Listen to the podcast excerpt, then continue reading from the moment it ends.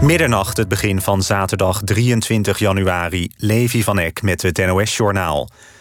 In Engeland hebben vier mannen jarenlange celstraffen opgelegd gekregen... vanwege hun betrokkenheid bij de fatale smokkel van 39 migranten. De lichamen werden in oktober 2019 gevonden in een koeltruck in Engeland. De hoogste straffen zijn voor twee mannen die volgens de rechter... het belangrijkste aandeel hadden in de smokkel. Zij moeten 20 en 27 jaar de cel in... De rechter zei dat de migranten in ondraaglijke pijn zijn gestorven. Farmaceut AstraZeneca gaat 60% minder vaccins leveren aan de EU. In plaats van de geplande 80 miljoen vaccins die de lidstaten zouden krijgen in het eerste kwartaal, worden dat er 31 miljoen. Nederland zou in het eerste kwartaal genoeg doses voor 2,3 miljoen mensen krijgen. Dat wordt nu dus ruim gehalveerd. Volgens de farmaceut komt dat door productieproblemen in de fabriek in België. AstraZeneca moet volgens afspraak in het tweede kwartaal meer dan 80 miljoen doses leveren. Een woordvoerder kon nog niet zeggen of dat gaat lukken. De farmaceut heeft vandaag wel 2 miljoen doses van het vaccin aan Marokko geleverd. Dat is de eerste levering aan een Afrikaans land. In Groningen is een supermarkt overvallen. Meerdere mensen haalden de winkel overhoop en namen verschillende producten mee. De politie heeft een aantal verdachten aangehouden. Hoe groot de schade precies is, is niet bekend. Ook is niet duidelijk of er gewonden zijn gevallen. Omwonenden hoorden een harde knal op het moment van de overval. De politie in Groningen denkt dat er mogelijk zwaar vuurwerk is gebruikt. In de Eredivisie is afgelopen avond één wedstrijd gespeeld. PEC Zwolle versloeg in Tilburg Willem II met 3-1. Door de zege neemt PEC afstand van de onderste regionen... terwijl Willem II naar de voorlaatste plaats op de ranglijst zakt. Het weer. Vannacht neemt de kans op een bui toe... en lokaal kan er winterse neerslag vallen. De temperatuur ligt rond het vriespunt. Komende dag is het bewolkt en valt er wat regen en natte sneeuw. Het wordt maximaal 5 graden. Dit was het NOS Journaal. NPO Radio 1. VPRO. Nooit meer slapen.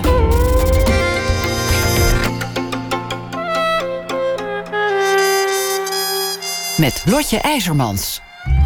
Welkom bij Nooit meer slapen. Aanstaande maandag is het precies tien jaar geleden dat de revolutie van Tunesië overwaaide naar Egypte. Duizenden mensen trokken naar het Tahrirplein in Cairo om te protesteren tegen armoede, corruptie en onderdrukking. De revolutie duurde bijna drie weken tot de hoopvolle dag dat zittend president Mubarak aftrad.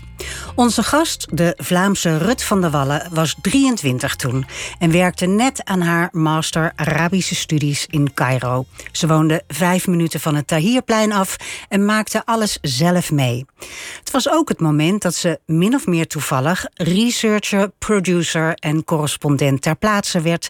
Ze werkt nu voor Nieuwsuur, één vandaag tegenlicht de VRT en de NOS.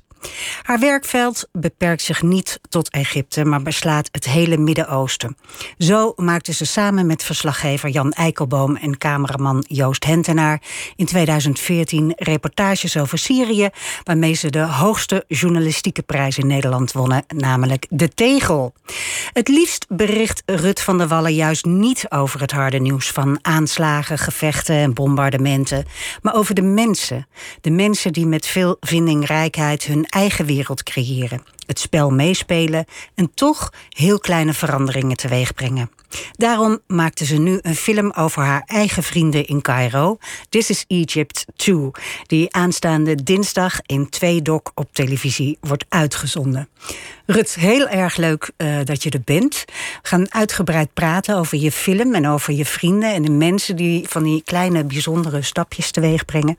Maar eerst gaan we even terug naar het Tahrirplein, precies tien jaar geleden, aanstaande maandag. Wij kunnen ons de beelden nog heel erg levendig herinneren, de vreugde, de hoop, de euforie. Hoe was het voor jou? Je was super jong. Had je door wat er gebeurde, zeg maar? In de zin van, had je door hoe historisch het was en later toch niet bleek te zijn? Ja, later niet bleek te zijn. dat is een beetje de vraag. Ik denk, het was een historisch moment en, en dat kan niet meer. Ja, dat kan je niet meer terugdraaien. Dat, dat denk ik zeker. Um, Ik denk dat ik heel goed door had hoe historisch het was op dat moment. Ik woonde toen anderhalf jaar in Cairo. Ik was daar mijn master aan afwerken. En 24 januari, de dag voor de revolutie uitbrak, waarvan we toen nog geen enkel idee hadden of het ook zo zou gebeuren, zaten wij met een, met een heleboel vrienden samen s'nachts te bedenken wat we zouden doen, stel dat die revolutie uitbrak. En um, ja, ik denk dat niemand toen verwacht had dat dit zou gebeuren. En de volgende ochtend zijn wij samen opgestaan, met mijn vrienden samen ontbeten en zijn wij te voet naar het Tahrirplein gewandeld in downtown Cairo. Um, de stad zat vol met oproerpolitie. Allemaal boksen met soldaten die tot de tanden aan klaar stonden om ons eigenlijk uh, in elkaar te slaan, letterlijk. Want dat is ook later gebeurd die dag. En ik weet nog heel goed dat ik aankom op de Harierplein met mijn vrienden. En iedereen was zo verbaasd dat er zoveel volk was. En dat, dat is een gevoel wat heel moeilijk te beschrijven is. Omdat die revolutie is er alleen maar geweest omdat zoveel mensen beslisten om naar het plein te wandelen, om op straat te komen. En waarom was dat momentum daar? Vanwege Tunesië en alles wat er überhaupt aan de hand was in de wereld? Ja. Ik denk dat iets is wat lang aan het borrelen was. Mhm. En natuurlijk het feit dat in Tunesië um, ja, de Jasmijnrevolutie was losgebroken en geslaagd. Um, dat de president daar was vertrokken. Dat heeft zeker meegespeeld. Maar ik denk ook dat het iets was wat um, ook jarenlang aan het groeien was er was heel veel onvrede met hoe de situatie was. Al mijn vrienden zijn geboren na 81 en hebben hun hele leven lang altijd dezelfde president gehad. En um, ja, er was heel veel stagnatie. Het zag er altijd naar uit alsof dingen niet zouden veranderen, alsof alles altijd zou blijven zoals het was. Um, de economische situatie was niet oké. Het was een politiestaat. Er was heel veel politiegeweld. Um, ja, en plots kwam alles samen en viel het op zijn plek. En, en besloten mensen om in opstand te komen. Daarna is nog heel veel gebeurd. Hè. Er is een eerste president gekozen, Morsi. Uh, daartegen werden de protesten nog groter. Het leger heeft de macht gegrepen. En dat is nu alweer. Hoe lang zit hij er alweer als Sisi? Ja, Sisi is officieel verkozen in 2014. Maar hij is de facto aan de macht sinds zomer 2013. Toen was hij legerleider en heeft hij eigenlijk besloten om uh, Morsi aan de kant te schuiven en hem af te zetten. Um, sommigen noemen dat de Tweede Revolutie, andere mensen noemen het een militaire coup. Ja. Het is maar hoe je het wil bekijken. Hoe noem jij dat? Um, ik zou het zeker geen tweede revolutie noemen. Nee. In die tien jaar uh, is er dus eigenlijk uh, de, weg omhoog heeft weer een enorme uh, bocht gemaakt. Waardoor alles toch weer heel anders werd dan gehoopt. Um, hoe zou jij, we gaan over jouw vrienden praten en over het leven daar, maar toch eventjes, hoe zou jij het nu daar willen schetsen? Egypte als staat, Cairo als stad, waanzinnig grote stad, 20 miljoen mensen. Hoe is het leven daar? Leef je in een politiestaat? Ik denk dat Egypte is een enorm groot land. 100 miljoen inwoners. Er zijn hele grote verschillen tussen stad en platteland, tussen arm en rijk. Het is een klassenmaatschappij die heel gelaagd is. Er zijn enorm veel verschillen tussen de mensen. Um, ik vind het ook altijd moeilijk om te spreken over de Egyptenaar. Maar als je kijkt naar de staat en hoe, als je kijkt door een politieke bril, ja, dan is Egypte een dictatuur. Um, een heel erg repressief uh, systeem onder leiding van, van de president die uit het leger komt en ook um, de steun heeft vanuit Europa. Hij was uh, vorige maand nog op bezoek in Frankrijk bij Macron. Hij heeft daar uh, de hoogste eer gekregen, Légion d'honneur. Um, en ja, als je weet dat iemand die zo repressief is ook de steun krijgt vanuit Europa. Er wordt natuurlijk wel gesproken over mensenrechten. En, uh... en dat, dat is omdat hij de boel zogenaamd rustig houdt. Ik maak aanhalingstekens bij rustig. Dat zie je niet op de radio. Ja, ik denk stabiliteit is iets uh, wat voor Europa heel belangrijk is. En ik denk dat dat ook heel erg te maken heeft natuurlijk met um, de vrees van Europa dat er heel veel migratie uit die regio onze richting uit zou komen. Dus um, het is ook makkelijk om te onderhandelen met zo'n dictator, want je weet dat hij lang aan de macht zit en dat je een gesprekspartner hebt die redelijk ehm, ja, waarvan je weet dat hij lang zou kunnen blijven. Zeker als je hem steunt zodat je goede afspraken kan maken, zeg maar. Wat, wat uh, wordt er nog wel eens gesproken over die revolutie? Nu is het tien jaar geleden. Betekent dat dat mensen daar met weemoed naar terugkijken of met verdriet? Of wordt er maar liever niet meer over gesproken? Ik denk dat er binnenskamers wel nog heel veel wordt gepraat over de revolutie. Zeker nu, tien jaar, ook omdat er internationaal heel veel aandacht voor is. Dat is in Egypte natuurlijk niet het geval. Daar wordt er liever zo weinig mogelijk gepraat over de revolutie in de officiële staatsgestuurde media. Um, die gebruiken het woord revolutie. Ja, want vrijheid van pers is er niet meer, hè? Nee. Nee. nee, daar schiet heel weinig van over. Nee, alle media is eigenlijk in handen van de staat. Um, maar dat gaan zij natuurlijk zelf nooit beweren. Het zijn nog altijd dezelfde kranten. Um, en ze gaan zichzelf nooit propaganda noemen. Maar uh, zo zou je het wel kunnen stellen. Als je kijkt met een westerse blik. Um, dus ik, er wordt zeker teruggedacht aan die revolutie. Zeker door iedereen die op het plein heeft gestaan toen. Niet alleen in, in, in Cairo, maar in Alexandrië. In heel veel steden en plekken zijn mensen op straat gekomen om te protesteren. Maar ik denk dat mensen ook met een veel minder naïeve blik terugkijken. Um, die hoop die er toen was. Heel veel mensen die hebben achteraf ja, niet bedacht hoe um, ingewikkeld het is om een land echt te veranderen.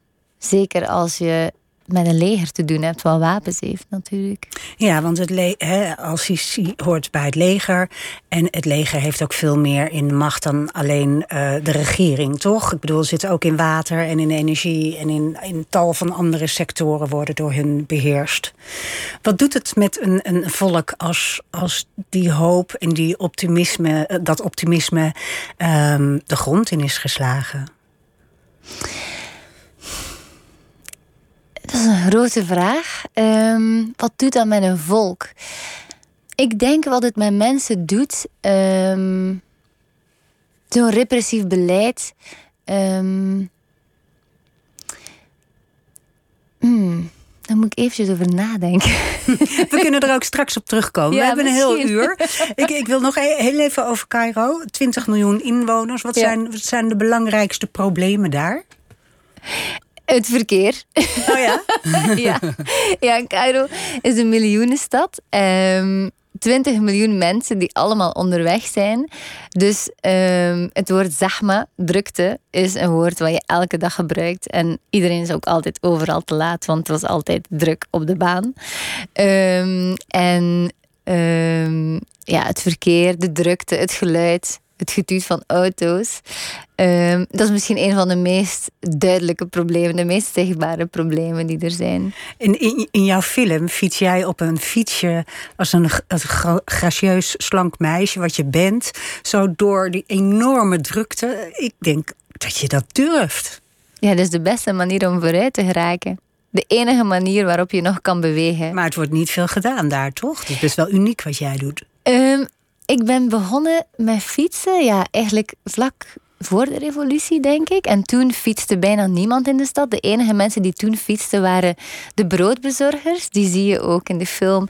Mannen die op oude Indische, hele zware fietsen met een plank op hun kop als ja, acrobaten door de stad fietsen om op een snelle manier brood te kunnen bezorgen uh, overal in de winkels. Want dat is de enige manier om door het verkeer vooruit te kunnen geraken en het brood moet snel geleverd worden.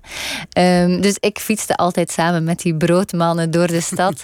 maar de laatste jaren zijn meer en meer mensen beginnen te fietsen. En dat is ook een van de dingen die ik zo mooi vind, is dat mensen zoeken wel naar een oplossing om vooruit te geraken. En de fiets is er één van.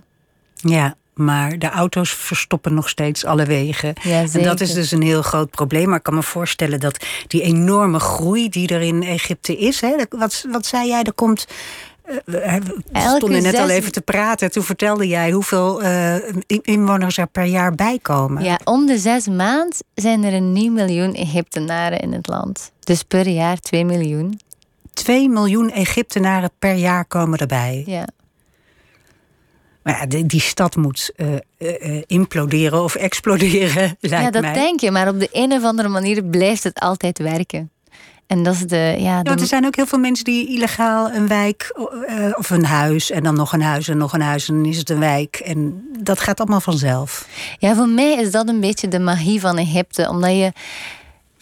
Het is een hele eh, strenge staat. Je leeft in een dictatuur, maar er is ook nog altijd heel veel plek tussen de rode lijnen.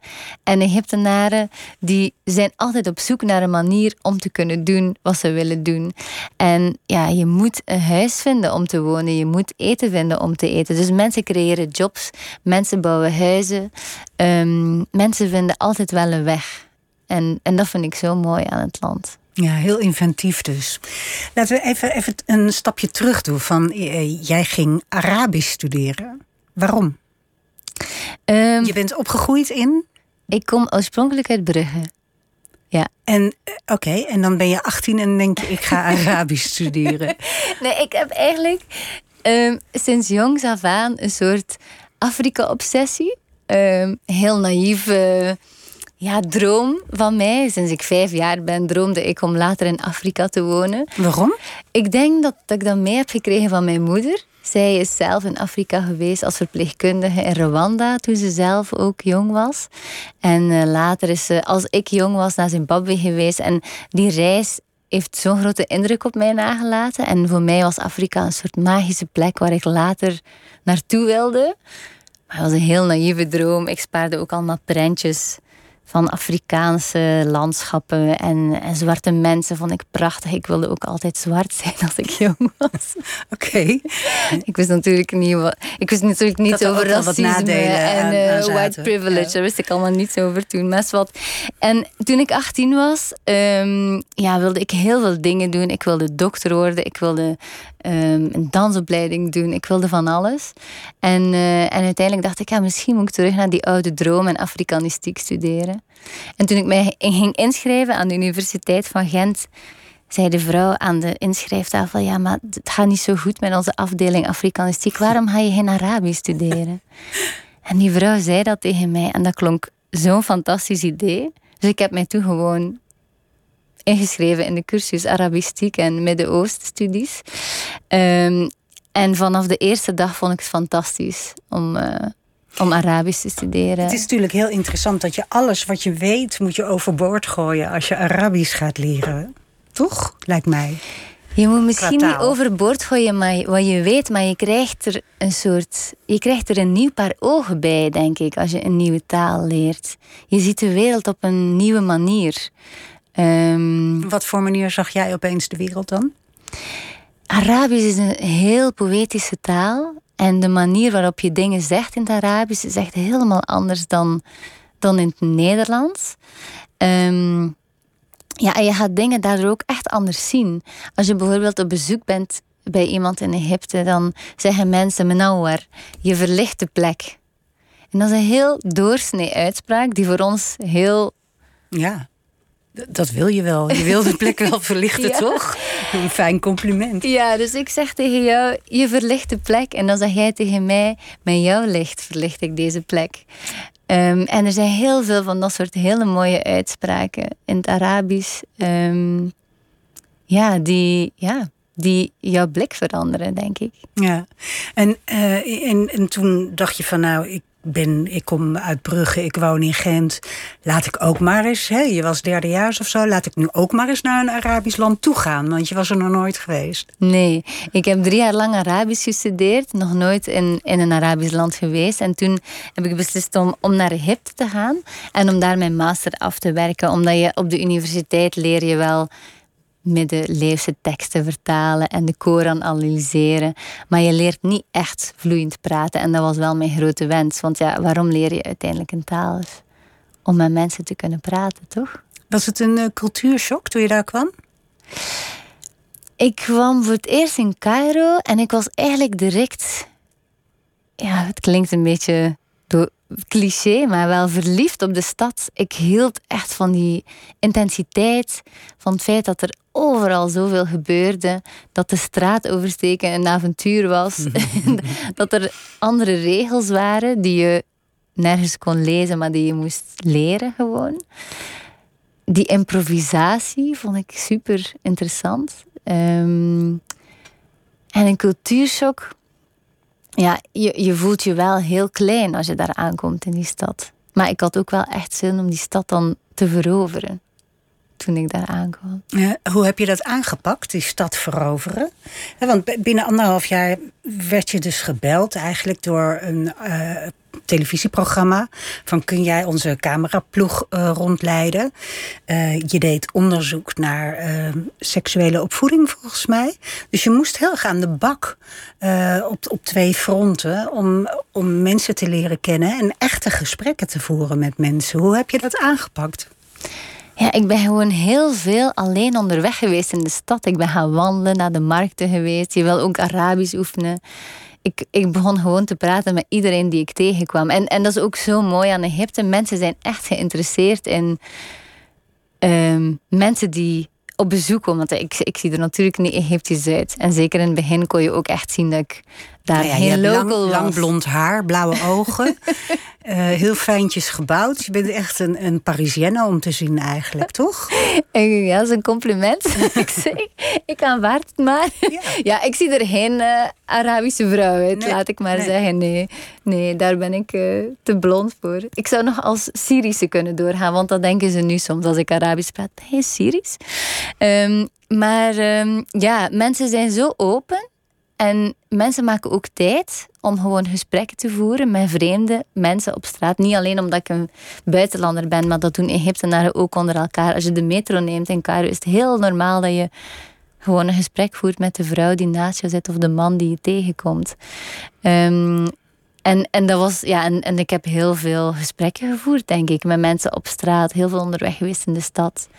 En zo, stap per stap, die stad veroverd en de mijne gemaakt. Je, je zei net toen we heel even praten van ja, tien jaar geleden, 2011, toen begon mijn leven eigenlijk opnieuw. En dat was uh, dat Tahirplein. Maar het was ook omdat je toen fixer werd.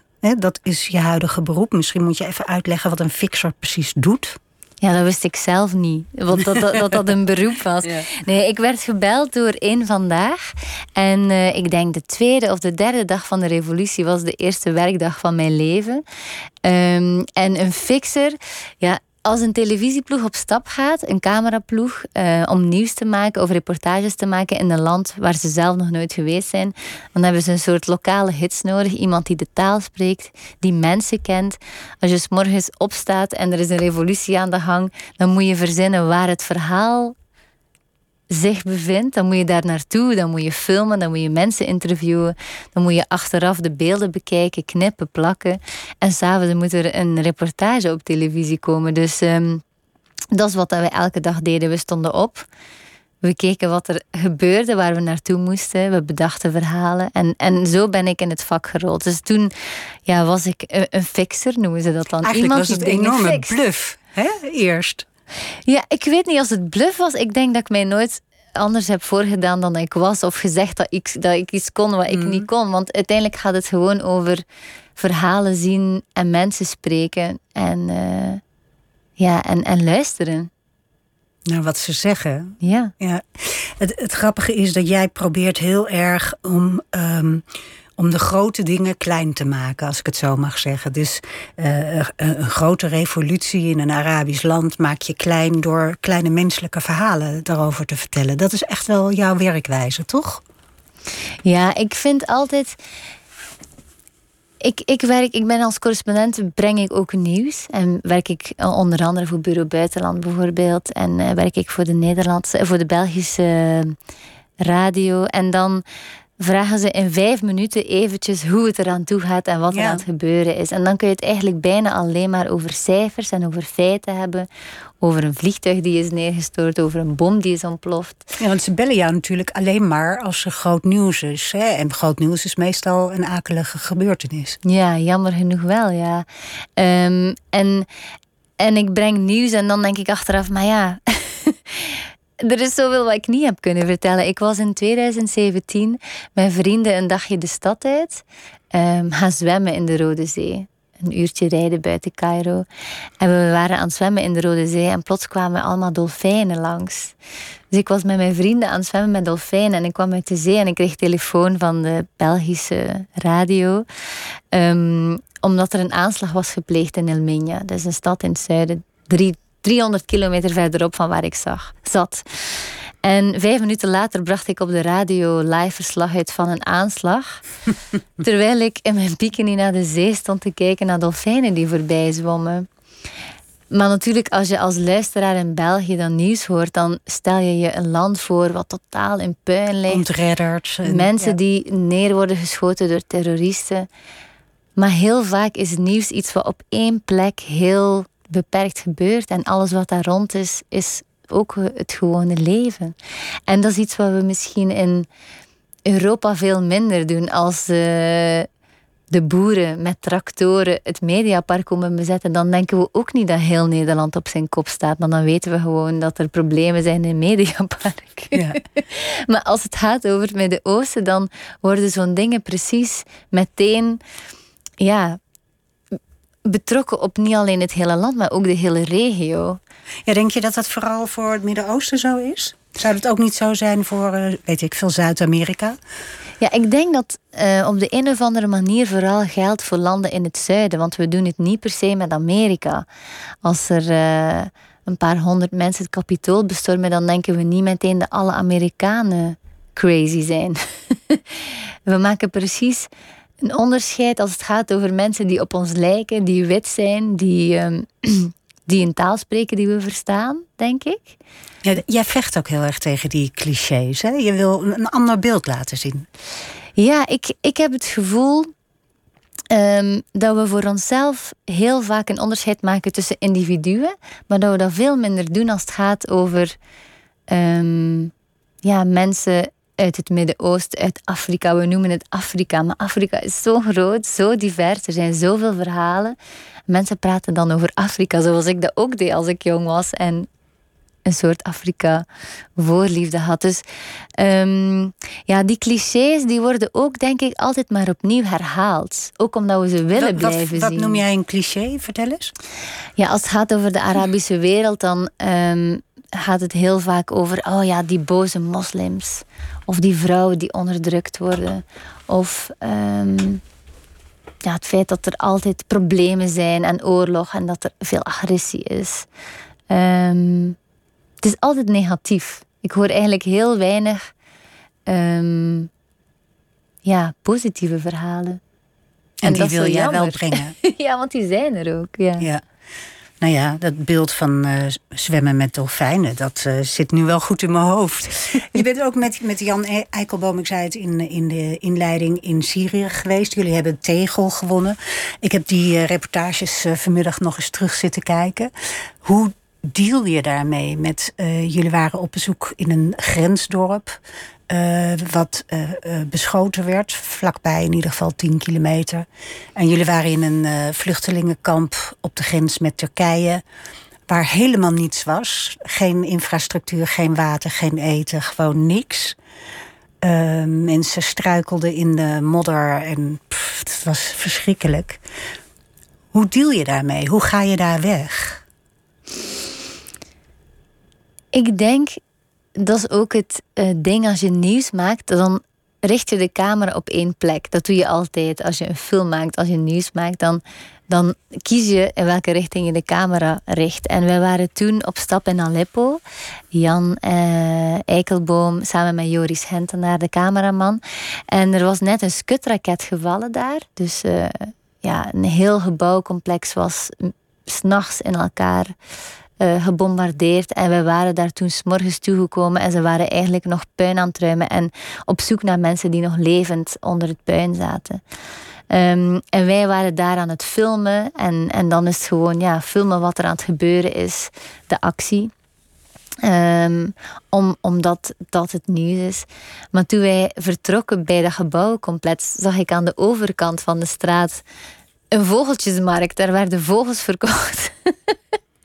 en groente en fruit verkocht. Dus precies zoals met de dolfijnen. Um, Aleppo was toen oorlogsgebied, maar ondertussen ging het gewone leven ook nog door. En ik denk uh, dat dat iets is wat we dan niet in het nieuws zien. Heel vaak wordt die camera niet omgedraaid. En dat is iets wat ik zo graag zou doen. Om gewoon eventjes in het midden van de reportage de camera om te draaien. Zodat je ook ziet dat het veel meer is dan wat je alleen maar ziet. En ik wil niet, die ellende niet ontkennen. Hè, want Oorlog is gewoon verschrikkelijk voor iedereen. Ehm, maar als je zo'n reportage maakt, kom je ook gewoon mensen tegen en heb je heel veel menselijke ontmoetingen. Ja, maar ehm, ik wil niet doordrammen, maar zoals die mensen die in zo'n kamp zitten, daar kun je je camera, denk ik, ook de andere kant op richten en dan is het nog steeds ellende. Daar is juist geen uitweg en daar gaat niks meer door. En dan, wat mij zo moeilijk lijkt, is dat je daar uh, verslag van doet en dan naar huis gaat. Dat lijkt me echt heel moeilijk. Heb jij dat of, of kun je dat heel goed, dat, dat deurtje naar je hart dicht houden? Ja, dat klinkt wel heftig, de deur naar je hart dicht nou ja, houden. Het is, het is maar iets. Maar ja, je hebt wel gelijk. En dat is iets waar ik mij de laatste jaren ook heel veel vragen bij stel. Bij ja, ben je een parasiet als je als nieuwsmaker naar zo'n plek gaat om eventjes te filmen en dan weer te vertrekken? Of ja, is het dan wel eerlijk dat jouw excuus om daar te zijn is om het nieuws te brengen aan de wereld? Van als jij het niet doet, weten mensen niet Precies, wat het dat aan denk het gebeuren is. ja. Ehm, ik vind dat heel moeilijk. En daarom werk ik de laatste tijd ook liever aan langdurige projecten. Als het gaat over Syrische vluchtelingen. Ik heb samen met uh, filmmaker Katrien van Kampen twee jaar lang Ja, in. Zatari Ja. gezeten. Vluchtelingenkamp in Jordanië. En daar hebben we hele dichte banden opgebouwd met de families, met de kinderen waar we toen mee gefilmd hebben. En ik heb tot nu toe, krijg ik nog elke week berichtjes van de families die ik ondertussen al eh, ja, sinds 2016 niet meer heb gezien. Heel veel van die families zijn vertrokken uit het kamp en teruggekeerd naar hun huis in Syrië. Dus die bellen mij nog af en toe, die sturen mij foto's. Ja, ik kan me Ehm, voorstellen dat dat echt veel fijner is Ja. eh, eh, om aan te werken dan ja, snel even nieuws halen en, Ja. en weer weg. Ehm, ik praat met Rut van der Wallen. Ze is Vlaams. Eh, 33 ben je? 33. Eh, ze woont in Cairo, waar ze werkt als eh, fixer. En eh, aanstaande dinsdag komt haar eerste eigen gemaakte documentaire samen met Floris Jan van Luin op televisie in Tweedok op NPO 2. En die film heet This is Egypt 2. Waarom moest die film er komen? Ja, ik denk een beetje vanuit dezelfde noodzaak. Van, ik wist, de tienjarige verjaardag van de Arabische lente komt eraan. 25 januari 2021 is het tien jaar geleden dat ja, de opstanden begonnen op het Tahrirplein. En ik wist dat er dat dan weer een aanleiding zou zijn voor heel veel media-aandacht.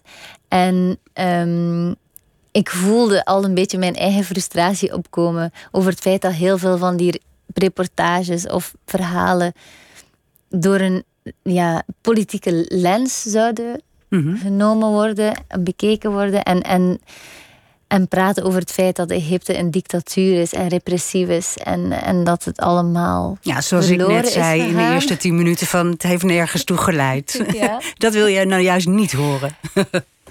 Dat is allemaal waar, maar Ja. er is ook een andere werkelijkheid. En die wilde ik heel graag laten zien. Want mensen begrijpen soms niet als ik altijd nieuws breng ehm, en al die negatieve verhalen ver- vertel als correspondent. Maar waarom woon jij daar dan nog? En ik denk dat deze film misschien een beetje een antwoord is op die vraag. Waarom ben ik daar nog zo graag? Het is, ik, ik heb de film bekeken niet zozeer als een antwoord, als wel als een onderzoek. Een, een ongoing onderzoek eh, waar het antwoord zich nog niet helemaal duidelijk prijsgeeft. Klopt dat?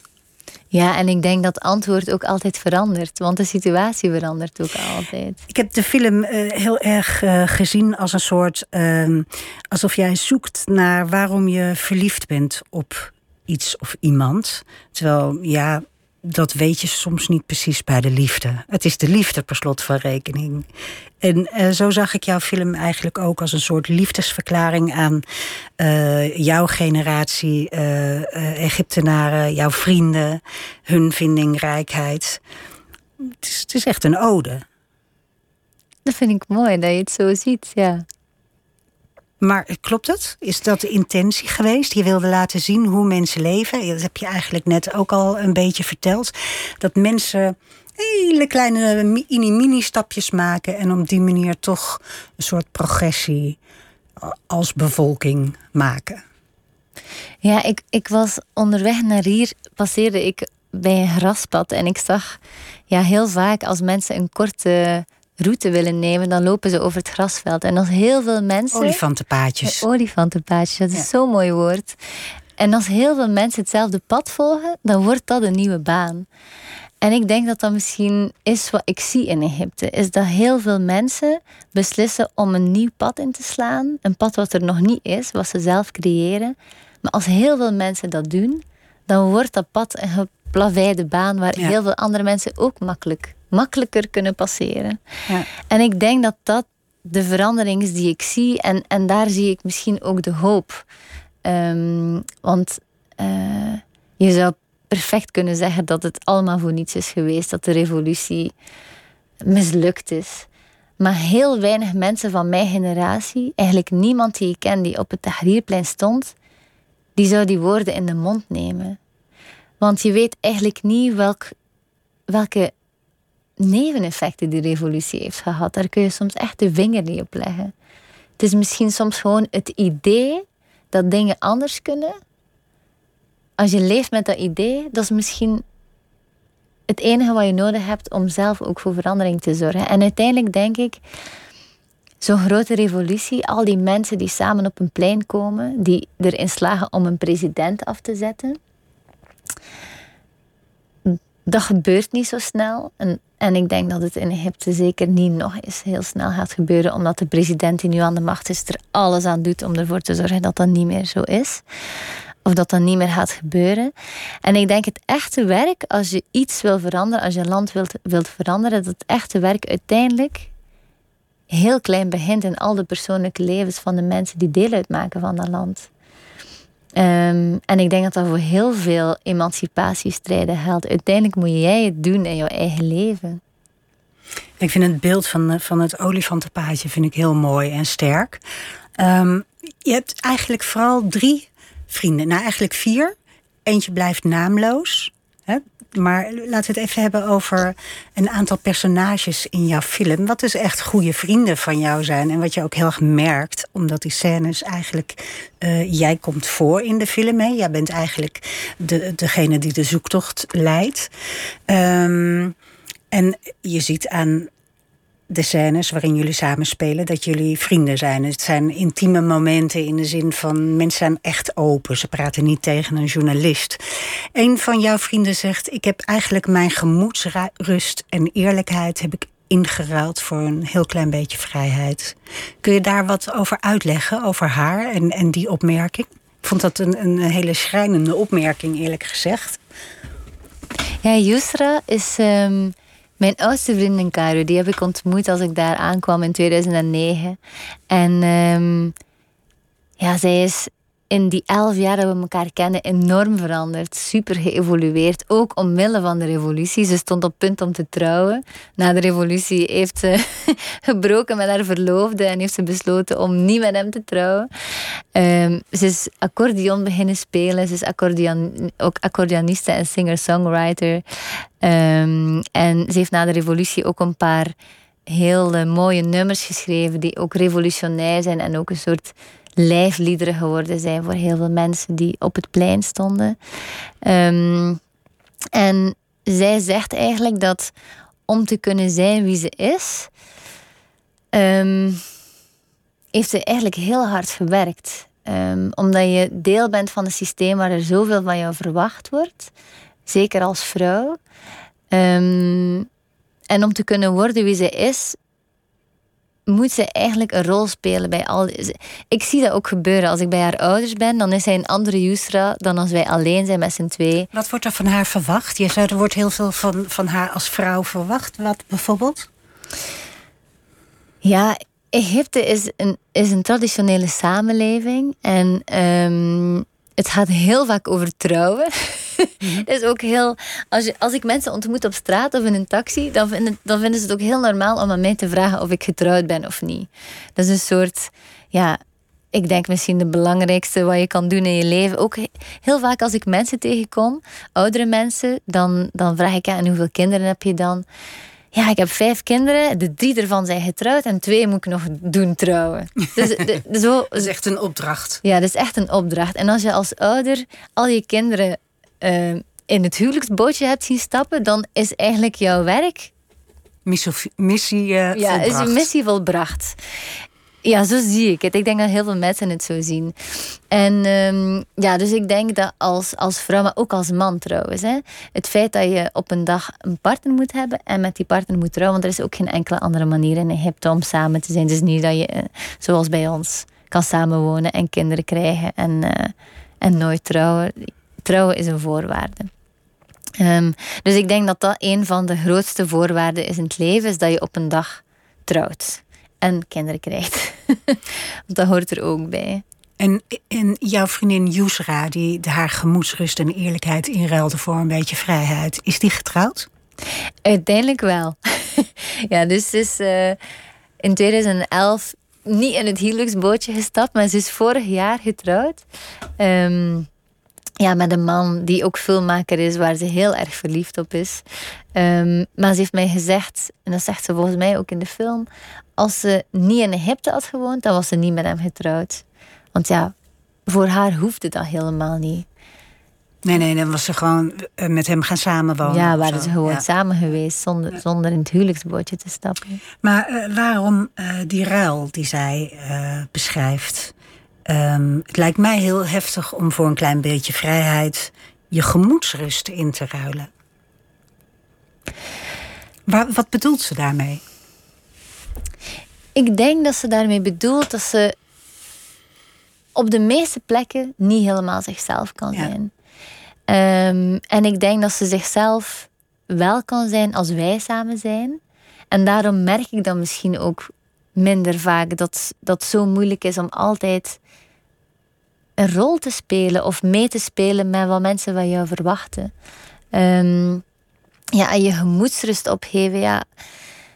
Ja, als je niet altijd jezelf kan zijn, dan is dat best ingewikkeld, denk ik. Ja. Is het ook angst? Heerst er angst?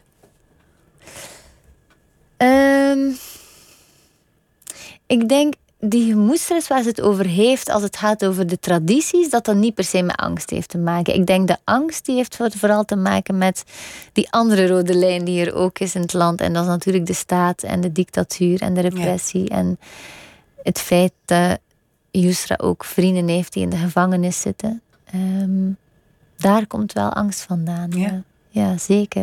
Er is een andere scène met, ehm, ook met Yusra volgens mij. Dat zij vertelt dat de staatspolitie beneden in de straat stond. Hè? En dan zegt ze, ik was even helemaal in paniek, want wat staat er op mijn telefoon als ze mijn telefoon afpakken? En op dat moment in de film moet jij heel erg huilen. Jij schrikt daar heel erg van. Ja, ik weet dat zo'n dingen gebeuren en ik breng daar verslag van uit. Ik heb eh, ja, een paar keer verteld over eh, wat er gebeurt elk jaar opnieuw als het de revolutieverjaardag is, rond 25 januari. Dan ehm, ja, wordt de controle in heel Cairo enorm verstrengd. Dan doet politie ook huisbezoeken, bellen ze aan bij mensen, checken ze of al je papieren in orde zijn.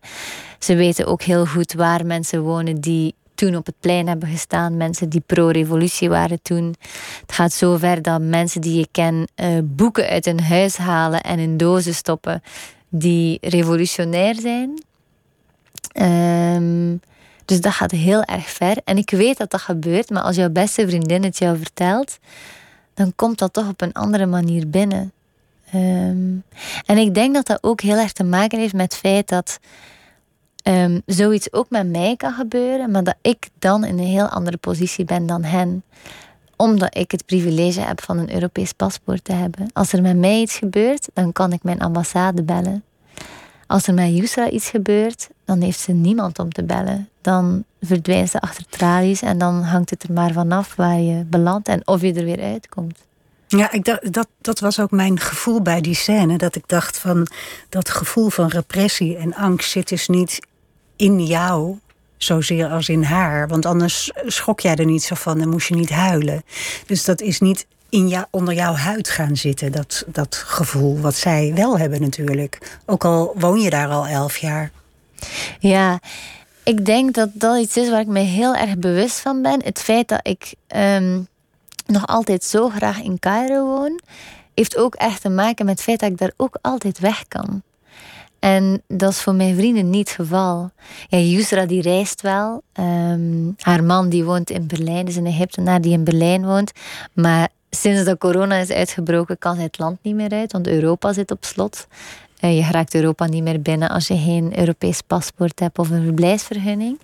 Um, dus ik weet heel goed dat ehm, als, het, ja, als er iets gebeurt met mij, dan, dan word ik het land uitgezet. Maar als er met hun iets gebeurt, dan verdwijnen ze achter tralies.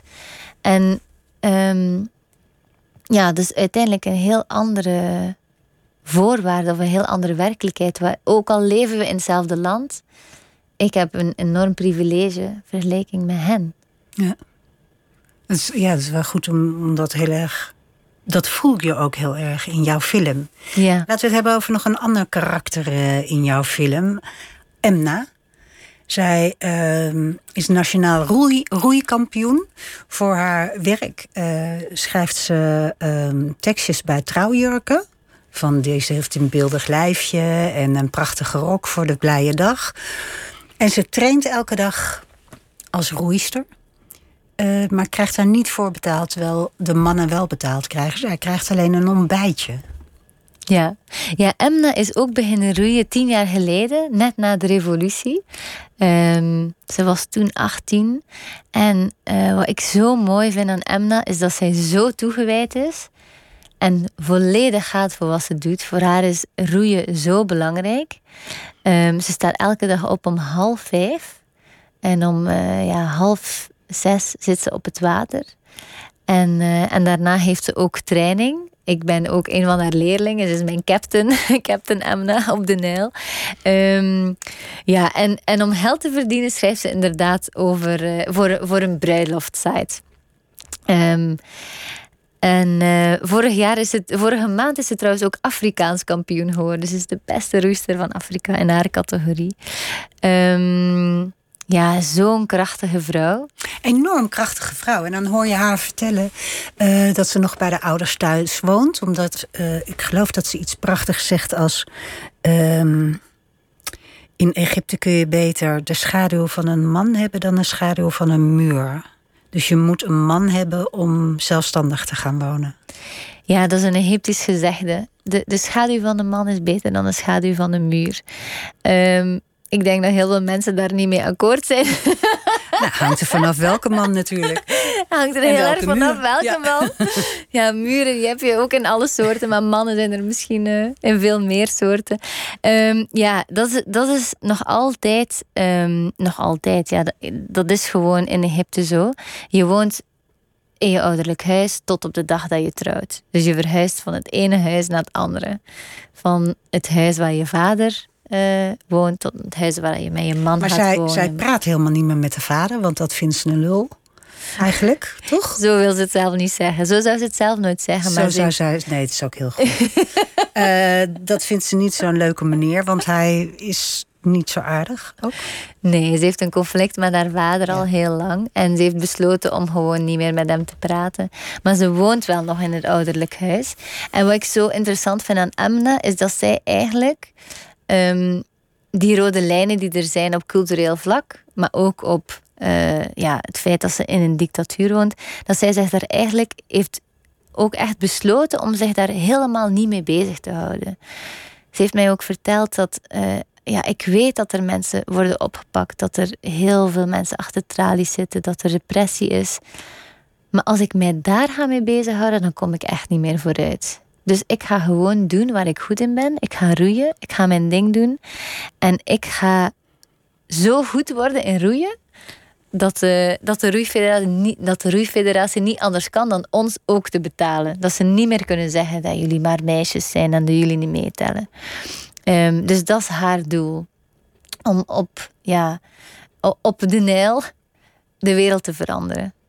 Eigenlijk zijn al je vrienden die we in deze film zien heel getalenteerde mensen. De ene is muzikant, de andere is roeister. Uh, we zien ook nog een, een, rapper die best wel succesvol is. Um, En allemaal enorm monomaan daarmee bezig. Om zich te onttrekken aan dat wat er buiten hen gebeurt. Maar dat klinkt dan weer alsof het een soort escapisme is. En dat is het ook weer niet helemaal. Ja, ik denk misschien is de enige manier om te leven in een land wat zo heftig is, waar de politieke situatie zo heftig is, is om je eigen oasis te creëren. En om um, ja, vrij plekken te creëren waar jij je goed voelt, samen met de mensen die dicht bij jou staan, die jou begrijpen, die zijn zoals jij bent. En om daar eigenlijk een leven te leiden, zonder te negeren dat die repressie bestaat. Maar je kan het ook niet negeren. Het is, het, je kan het proberen, maar het zal altijd opnieuw binnendringen in die bubbel van jou. Ehm, dus ik denk dat dat, ja, dat dat iets is wat ik ook ben beginnen doen. Ja, wat bedoel je? Ja, je eigen werkelijkheid creëren. Kijken naar. Ja, je, kijkt, je kijkt naar Egypte ehm, misschien door een roze bril. Ook omdat je houdt van die plek en omdat je daar wil blijven zijn, sluit je ook soms de ogen voor de lelijkheid. Iets, iets met de mantel der liefde, dacht ik toen ik je film zag. Heel mooi, ja. De mantel, de, ja, de mantel der liefde. En het is niet dat ik ontken wat er allemaal aan de hand is, maar je kan gewoon niet elke dag daarmee bezig zijn. Want waarom, waarom moet jij daar blijven? Ik hoef daar helemaal niet te blijven, maar ik wil, wil daar, jij daar blijven? Heel daar blijven. Ja, ik, ik vind het zo'n interessant land. Ehm, en ik denk dat dat misschien te maken heeft met het feit dat er nog zoveel werk aan de winkel is. Dat je het gevoel hebt dat jij misschien. Um, ja, dat er nog zoveel gaat veranderen en kan veranderen. En dat er nog um, ruimte is voor groei. En dat je tussen die lijnen ook kan improviseren. En misschien vind ik die uitdaging ook. Houd je wel wakker. Maar zie jij jezelf daar uh, trouwen, kinderen krijgen, forever wonen? Of ben je nog steeds een Vlaamse? Ik ben niet geïnteresseerd in trouwen of in kinderen krijgen op dit moment. Um, en ik denk ook niet dat de vraag is van. Ik bedoel ook niet precies dat trouwen kinderen krijgen, maar ik bedoel echt dat je dat je, je leven daar wil blijven. Ik denk dat, dat ik daar helemaal geen antwoord op heb, omdat ik iemand ben die in het leven staat uh, en zie wat er op mij afkomt. Okay. Um, maar ik heb op dit moment geen zin om daar te vertrekken. Ik heb zeker geen zin om terug in België te komen wonen. Maar ik ben, ik ben natuurlijk ook om, omwille van mijn paspoort zo vrij om tussen de twee te bewegen. En dat zorgt er ook voor dat het leven daar um, draaglijk blijft en interessant blijft en leuk blijft. Is ook omdat ik af en toe hier kan zijn en ja. in Europa kan rondwandelen. En, uh, ja, en eventjes. Hoe, hoe is het om in een, in een land te wonen waar jij, jij hebt eigenlijk volgens mij voordeel van dat je een vrouw bent? Of zie ik dat verkeerd? Ja, ik denk dat het zeker zo is. Ja. Want uh, uh, ik weet een beetje hoe dat werkt, maar misschien moet je het even vertellen uh, waarom jij ook denkt dat het zo is.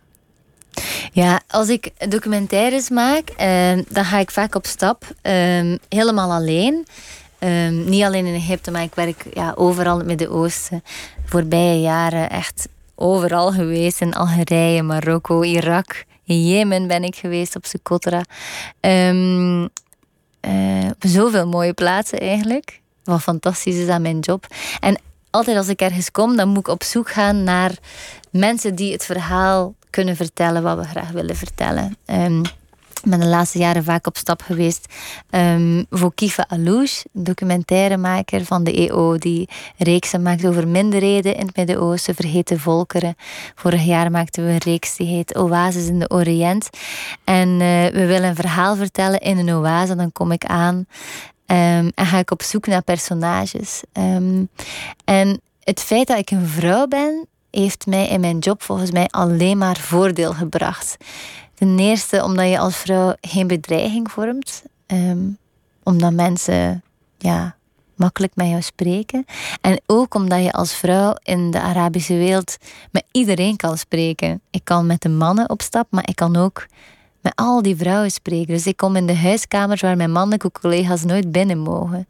En ik hoor ook de verhalen die mijn mannelijke collega's nooit te horen krijgen. Dus ik denk dat ik een veel vollediger beeld heb van het Midden-Oosten dan mijn mannelijke collega's die zich in de regio uh, bewegen. Ehm, ja, ik zou mijn job als ja, niet als man willen doen. nou, ik, ik, vind, ik vond het zo grappig, want uh, je woont in een land waar, waar ik, ik vind dat het vrouwen het daar slecht hebben. Ik weet niet of jij dat met me eens bent. Jij bent de expert en ik niet. Maar zoals ik er tegenaan kijk, is er gewoon veel te veel misogynie en eh, vrouwen hebben geen rechten. Terwijl jij er juist eigenlijk heel veel voordeel hebt dat je een vrouw bent. Een rare spagaat is dat, lijkt me. Ja, vrouwen hebben het slecht. Het is een patriarchale maatschappij, zoals op heel veel plekken in, in, de wereld, denk ik. Um, en daar is um, ja, het verschil tussen mannen en vrouwen nog heel groot. Um, veel groter dan dat hier is. Want hier is er ook nog veel werk aan de winkel. Maar het is minder duidelijk, denk ik, wat er hier nog allemaal moet gebeuren als het gaat over man-vrouw ongelijkheid. Maar het is zeker zo. En ik denk dat dat te maken heeft met het feit dat ik ik ben geen Arabische vrouw. Ik ben een witte vrouw met een Europees paspoort. Um, dus ik, ik, ik ben geprivilegeerd op verschillende vlakken. Um, en het feit dat ik een witte vrouw ben die in het Midden-Oosten op stap ben en Arabisch spreekt. En dat zorgt ervoor dat eigenlijk alle deuren voor mij open gaan. Ja. Je kijkt met je vriendin uh, foto's in de film van haar moeder. En uh, in de jaren zeventig hadden de vrouwen geen hoofddoekje, geen sluier. Uh, zagen er heel modern uit. Maar hadden diezelfde knellende traditionele regels, hè? Ja, dat vind ik zo fascinerend aan de Arabische wereld. Ik denk dat Um, ja, ik vind het eigenlijk heel jammer dat er hier um, heel weinig wordt teruggeblikt naar hoe Egypte bijvoorbeeld eruit zag in de jaren 60, in de jaren 50. Egypte heeft in de jaren 30 een enorme cinema-industrie gehad. Veel groter dan de Hollywood op dat moment was. Er zijn super mooie zwart-wit films gemaakt in de jaren 30, 40, 50. Die films die worden ook nog elke dag opnieuw herhaald. Er is één kanaal in Egypte wat 24 uur op 24 oude Arabische films afspeelt. Egyptenaren die kennen ook heel veel scènes van buiten, die kunnen dingen naspelen. Um, dus het is een land met een enorme culturele, ja, rijke cultuur. Um, heel veel muziek werd gemaakt. Oum Kulsoum, de zangeres. Ja, prachtig. Ja, de moeder van de, van de Arabische wereld, die komt ook uit Egypte. Um, dus ja, in de jaren 60, 70 was Egypte een, een land waar zoveel culturele productie was. Mei 68, de, mhm. de, de, ja, de studentenopstanden in Europa, die zijn eigenlijk daarvoor al begonnen in Egypte. Dus Egypte stond op heel veel vlakken, uh, zelfs voor op Europa. En, uh, en dat zijn dingen die wij hier helemaal niet weten. Wij denken dat het Midden-Oosten altijd achter heeft gestaan op ons en dat wij altijd voor waren. En, en dat wij zijn zoals zij ook zouden willen zijn. Uh, dat eurocentrisme, denk ik, is iets, iets, iets wat ik wel heel vaak zie. Is dat ja. ja. zij willen toch zijn zoals wij uiteindelijk. Want wij weten hoe dingen moeten. Ja, en bij ons is het beter, enzovoorts, enzovoorts. Ja. Maar ja, toch kun je niet voorbij aan, aan bepaalde dingen. Zoals ook op dat Tahirplein verkrachtingen zijn geweest. Of jouw vriendinnen in de film zeggen ook van... Uh, als je s'avonds laat op straat loopt, dan, dan ben je een slet. En dat, dat lijkt mij echt zo benauwend. Ja. Um, ja. Ja, ja, dat is zo. Het is een patriarchale maatschappij. Maar wat ik de laatste jaren wel zie. Ik denk misschien doordat die patriarchale maatschappij zo duidelijk is.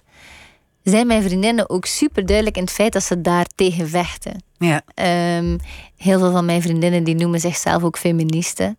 Hier in België zijn mijn vriendinnen heel weigerachtig tegenover dat woord, omdat ze zoiets hebben van. Uh, ja. we zijn toch klaar met het werk. Um, dus ja, doordat die strijd zo duidelijk is, is die strijd ook zo heftig en wordt die ook wel echt gevoerd. Nou, ik hoop ook dat dat uh, voor, je, voor je vriendinnen dat dat ook gaat lukken. En dat ze genoeg geduld hebben om dat uh, te volbrengen. Ik dank je ontzettend voor je komst hier uh, naar Hilversum, Rut van der Wallen. Heel leuk dat je er was. Dit is Egypt 2, komt op dinsdag 26 januari op 2 Doc op NPO 2. Maandag is autocoureur en presentator Allard Kalf te gast bij Pieter van der Wielen. is namelijk een boek, Kalf, over de belevenissen van deze voormalige autocoureur verschenen. Nooit meer slapen is ook te beluisteren via de podcast. Je kan je abonneren via je favoriete podcast-app. Zo direct op deze zender het programma Vink met Misha Blok, Stan Pitman en Vincent Bijlo. Dag! Op Radio 1, het nieuws van alle kanten.